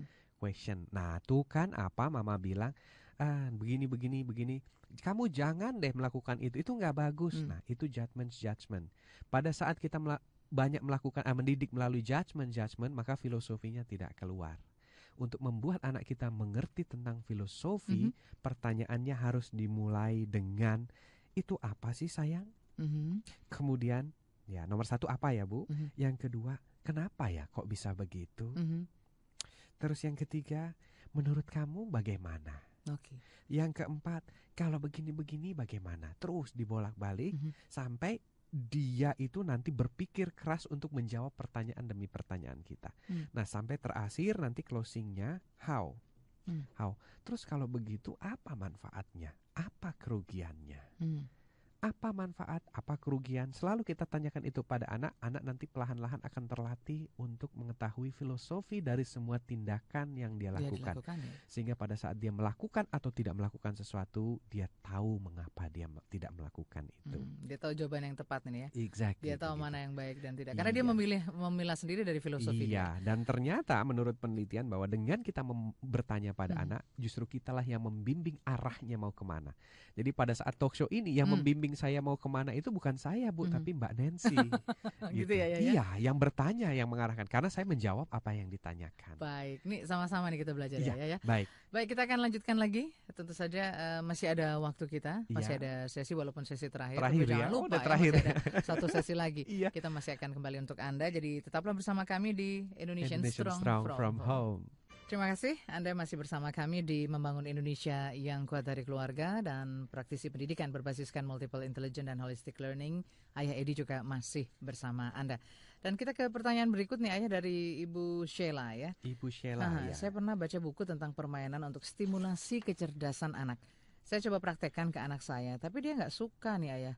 Jadi saya biarkan saja terserah dia dia mau main apa. Ya. Nah sampai menjelang usia 11 bulan dia belum bisa uh, tepuk tangan gitu ya. ya. Nah, padahal anak tetangga sudah bisa lebih dari itu loh ayah. Ini gimana nih saya normal apa enggak ayah? Iya iya iya iya. Eh, Ibu Ibu Sheila ya. Uh. Ibu Sheila begini Ibu Sheila. Uh, jadi uh, seperti itu uh, penting buat kita uh, untuk memperhatikan anak pada saat kita memberikan stimulasi uh -huh. dan pada saat kita memperhatikan please tidak untuk membanding-bandingkan dengan anak lain. Oke. Okay eh, kalau tujuannya hanya untuk misalnya kekhawatiran itu efeknya sangat tidak baik. Mm-hmm. Kenapa ibu? Eh, anak kita itu dirancang satu dan lainnya itu sangat berbeda. Kalau ibu punya anak yang sama pun nanti pada saat pertepuk tangan pertama pun mm. beda. Seperti anak saya dua gitu, mulai bicaranya beda. Yang pertama itu segalanya lebih cepat, yang kedua segalanya lebih lambat. Yeah. Justru di situlah saya melihat adanya petunjuk-petunjuk gitu. Nah, Uh, pada saat ibu uh, memberikan stimulasi, apa yang dilakukan ibu, uh, kenapa tidak tertarik gitu ya?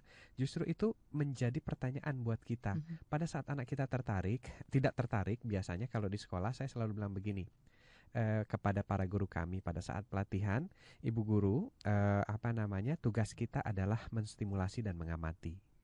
Jadi eh, kita bukan mengajari dia untuk bisa menstimulasi itu beda dengan mengajari. Kalau mau mengajari ada target pemaksaan bahwa dia harus melakukan ini dan harus bisa. Ya. Tapi kalau stimulasi itu kita memancing eh, memancing anak terhadap setiap eh, pembelajaran yang kita lakukan atau eh, proses kegiatan yang kita mm, lakukan. Mm. Nah, di sana kami meminta para guru untuk mencatat di mana dia tidak tertarik dan di mana dia tertarik. Dan kalau dia tidak tertarik, kenapa? Dan kalau dia tertarik, seberapa tertarik? Ya. Nah, pada saat dia tidak tertarik, kita tidak buru-buru menyimpulkan bahwa dia tidak tertarik.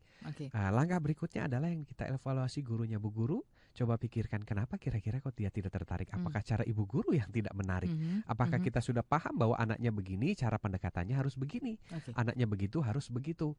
Nah, jadi seperti itu Bu Sheila. Nah, kalau misalnya kita sudah melakukan pendekatan yang dirubah, dirubah, disesuaikan tidak tertarik, maka eh, konteks multiple intelligence menyatakan bahwa mungkin memang anak ini kurang tertarik di hmm. bidang itu, kecerdasannya di bidang lain. Nah, eh, kemampuan lain-lainnya yang tadi ibu bandingkan tidak sesuai dengan teman-temannya. Nah, justru harus kita perhatikan. Biasanya orang yang cepat tepat tangan dan sebagainya, cepat bisa bicara itu punya kecenderungan auditorinya tinggi. Hmm. gitu. Tapi anak yang lambat dalam banyak hal itu punya kecenderungan biasanya kinestetik atau visualnya yang okay. tinggi. Nah, tinggal kita lihat anak kinestetik itu cenderung dia bicaranya hmm. lambat sampai besar kadang-kadang dia baru bisa bicara, hmm. tapi gerakannya cepat. Hmm. Seperti itu sebenarnya petunjuk buat yeah. kita. Ya. Baik, ini yang berikut dari Bu Fia nih ayah. Bu Fia. Uh, ayah ya. anak saya kehilangan semangat, mm-hmm. selalu murung dan stres karena gagal SPMB. Ya. Nah, bagaimana nih menasehatinya? Karena dia nggak mau ikut SPMB tahun depan dan juga uh, si anak berpikir bahwa kalau sekolah di perguruan tinggi swasta itu nggak diakui jika melamar pekerjaan nanti nih ayah. Ini mohon sarannya ayah. Nah ini mungkin filosofinya lagi ya. nih ayah yang perlu di. Iya betul. Uh, jadi ya seperti tadi kita harus tanya anak kita uh, melalui pertanyaan-pertanyaan yang sifatnya uh, mengapresiasi. Hmm. Jadi kenapa sih kamu tidak tidak bergairah? Ya. Itu untuk menggali terus kita ajak anak kita untuk berdiskusi. Kemudian saya sedang merancang sebuah program yang namanya merancang sukses anak sejak usia dini mm -hmm. atau pendidikan masa depan. Di situ menjelaskan bahwa sebenarnya SPMB itu tidak berpengaruh terhadap masa depan anak. Gitu. Okay. SPMB itu saya tetapkan di sini ya. Mm -hmm. Kenapa? Sejarah sudah membuktikan oh, banyak orang-orang kita yang dari swasta. Coba lihat pembicara-pembicara Smart FM ini, mm -hmm. berapa banyak yang dari swasta. Yeah. Begitu. Nah, kemudian di situ juga nanti di seminar kami akan dijelaskan bahwa yang jauh lebih utama harus kita pikirkan adalah bukan proses SPMB-nya, mm -hmm. tapi pada saat nanti kita memilih jurusan apakah cocok dengan keinginan kita, mm -hmm. kekuatan kita. Nah, kemudian apakah dalam proses pembelajaran itu kita berhasil menguasai tiga hal yang nanti akan kita perjuangkan yeah. dalam masa pasar bebas? Yang pertama adalah kemampuan bahasa asing. Mm -hmm. Apakah kita nanti lulusnya akan lancar bahasa asing? Yang kedua, akankah kita punya skill yang berkualitas internasional? Skill ya. Yeah. Karena itu yang nanti menentukan. Dan yang ketiga adalah apakah kita punya life skill? Mental, hmm. kemampuan emosional, memanage emosi, kesabaran, ketekunan. Nanti kita ketemunya justru hal-hal kehidupan seperti, yang nyata nih. Iya, ya. kehidupan nyata itu cuma meminta tiga hal itu. Hmm. Perhatikan baik-baik. Yang pertama nanti adalah bahasa asing, ya. karena ya mau tidak mau hmm Kebutuhannya seperti itu. Yang kedua adalah skill. Mm-hmm. What is your skill? Specifically, apa kamu jagonya? Keahlian, ya. Jagonya kamu tuh apa? Orang-orang hebat selalu dia bisa menunjukkan saya ahli di bidang ini. Mm-hmm. Pembicara smart itu semua ahli di bidang tertentu mereka. Yeah. Kemudian yang ketiga adalah life, life skill. skill tadi. Ya, mm-hmm. begitu kira-kira, Mbak. Tapi ngomong-ngomong dalam waktu dekat ada workshop nih ya? Oh iya. Untuk uh, para orang tua nih, para smart listener di mana pun berada. Iya, kita sedang merancang workshop yang uh, luar biasa mm -hmm. ya. Mm-hmm. Ini uh, akan kita selenggarakan nanti bulan September. Okay. Jadi workshopnya itu berjudul adalah uh, selamatkan uh, sebentar ya. Selamatkan masa kritis perkembangan perilaku anak kita ya. dari pengaruh lingkungan yang merusak ya. dan menghancurkan masa depan anak kita. Ya. Dengan menjadikan kita sebagai konsultan pribadinya. Betul. Waduh. Jadi targetnya ya, ya target dari workshop ini bentuknya bukan seminar ya tapi workshop satu mhm. hari penuh. Mm -hmm. Kita akan merancang bentuknya melalui praktek pelatihan-pelatihan kepada orang tua bagaimana si langkahnya kita bisa menjadi konsultan pribadinya anak kita untuk membentengi anak mm -hmm. kita dari pengaruh-pengaruh yang sebagian besar uh, berasal dari lingkungannya Lingkungan, ya? yang sangat menakutkan. Kalau kita perhatikan sekarang remaja-remaja sekarang, hmm. silakan Anda survei sendiri di sekolah-sekolah. Merokok itu dengan bangganya ya. anak-anak yeah. SMP dan sebagainya. Apakah anak kita nanti kelak akan seperti itu? Mm -hmm. Nah, kitalah yang menjawabnya. Oke, jadi nanti untuk Anda ingin membutuhkan informasi tentang uh, workshop yang akan diadakan bulan September ini yaitu selamatkan masa kritis perkembangan perilaku anak Eh, dari pengaruh lingkungan yang merusak dan menghancurkan masa depan dengan menjadikan kita sebagai konsultan pribadinya. Anda bisa menghubungi nomor 0816 1822 323. Ya. Jadi untuk Anda yang ingin mendaftarkan, wah ini menarik sekali karena ternyata setelah workshop nanti ada konsultasi gratis. Mau ya ya. nah, ini biayanya per orang ya? Iya, jadi rencananya ini tanggal 9 hari okay. Minggu ya. Mm -hmm. uh, Minggu 9 September Betul. di Hotel Ciputra di Hotel Ciputra mm -hmm. Jakarta Barat. Uh, kemudian uh, investasinya itu 800 ribu rupiah okay. itu ada plus bonus CD pendidikan. Kemudian mm -hmm. nanti untuk yang punya masalah eh, terbatas kita akan berikan waktu kurang lebih dua jam untuk konsultasi, konsultasi. pribadi. Jadi bukan bukan dua jam satu orang tapi mm -hmm. dua jam untuk beberapa orang mm -hmm. gitu. Uh, konsultasi terbatas namanya bonus kita. Kemudian khusus untuk yang uh, mendaftar atau lunas mm -hmm. hari ini itu nanti akan ada harga khusus atau diskon khusus itu Wah. hampir setengahnya ya. Mm -hmm. hampir 50 persen begitu. Jadi, Jadi informasinya nanti bisa langsung menghubungi 0816 1822 323 ya, atau 32. langsung nanti ke Smart FM juga Smart boleh FM ya. FM juga boleh. Jadi 398 33 atau 777. Nah ayah eh, konklusi singkat aja nih ya kesimpulan singkat. Bagaimana kita eh, membuat anak kita ini bisa menjadi menyukai belajar? Ini apa saja yang harus kita lakukan ayah? Ya. Kalau singkatnya dalam hmm. sepatah kata begitu adalah ya. bahwa mau tidak mau mm. kita harus mempelajari fitrah dan cara bekerjanya alat pembelajaran anak-anak kita Baik. sebelum kita mengajar dan menjadi guru. Mm. Tanpa itu semua, maka apa yang kita lakukan bisa jadi malah bertentangan dengan fitrah cara apa otak kerja pembelajarannya anak-anak kita. Mhm. Iya. Mm -hmm. Poin nah, pentingnya itu ya ya. Iya, itu adalah kalau di garis bawahi. Tapi kalau kita mau detail sedikit, mm -hmm. nah di situ uh, apa namanya? Uh, guru itu harus berani uh, menjadi sahabat bagi anak-anaknya. Jadi bukan guru yang inginnya dihormati, mm -hmm. kemudian ingin jaga image dan sebagainya.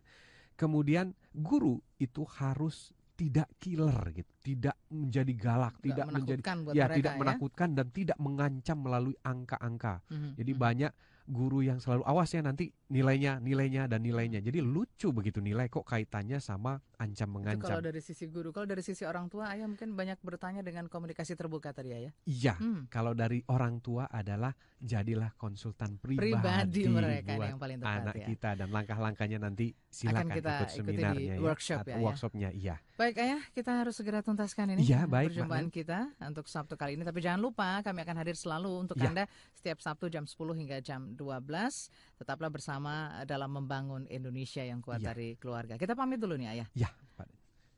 Uh, saya Ayah Edi. Saya Nansya kita kita pamit. Sampai, Sampai jumpa. Demikianlah telah kita ikuti bersama Radio Talk Indonesian Strong From Home bersama Ayah Edi, praktisi multiple intelligence dan holistic learning. Semoga bermanfaat. Sampai jumpa.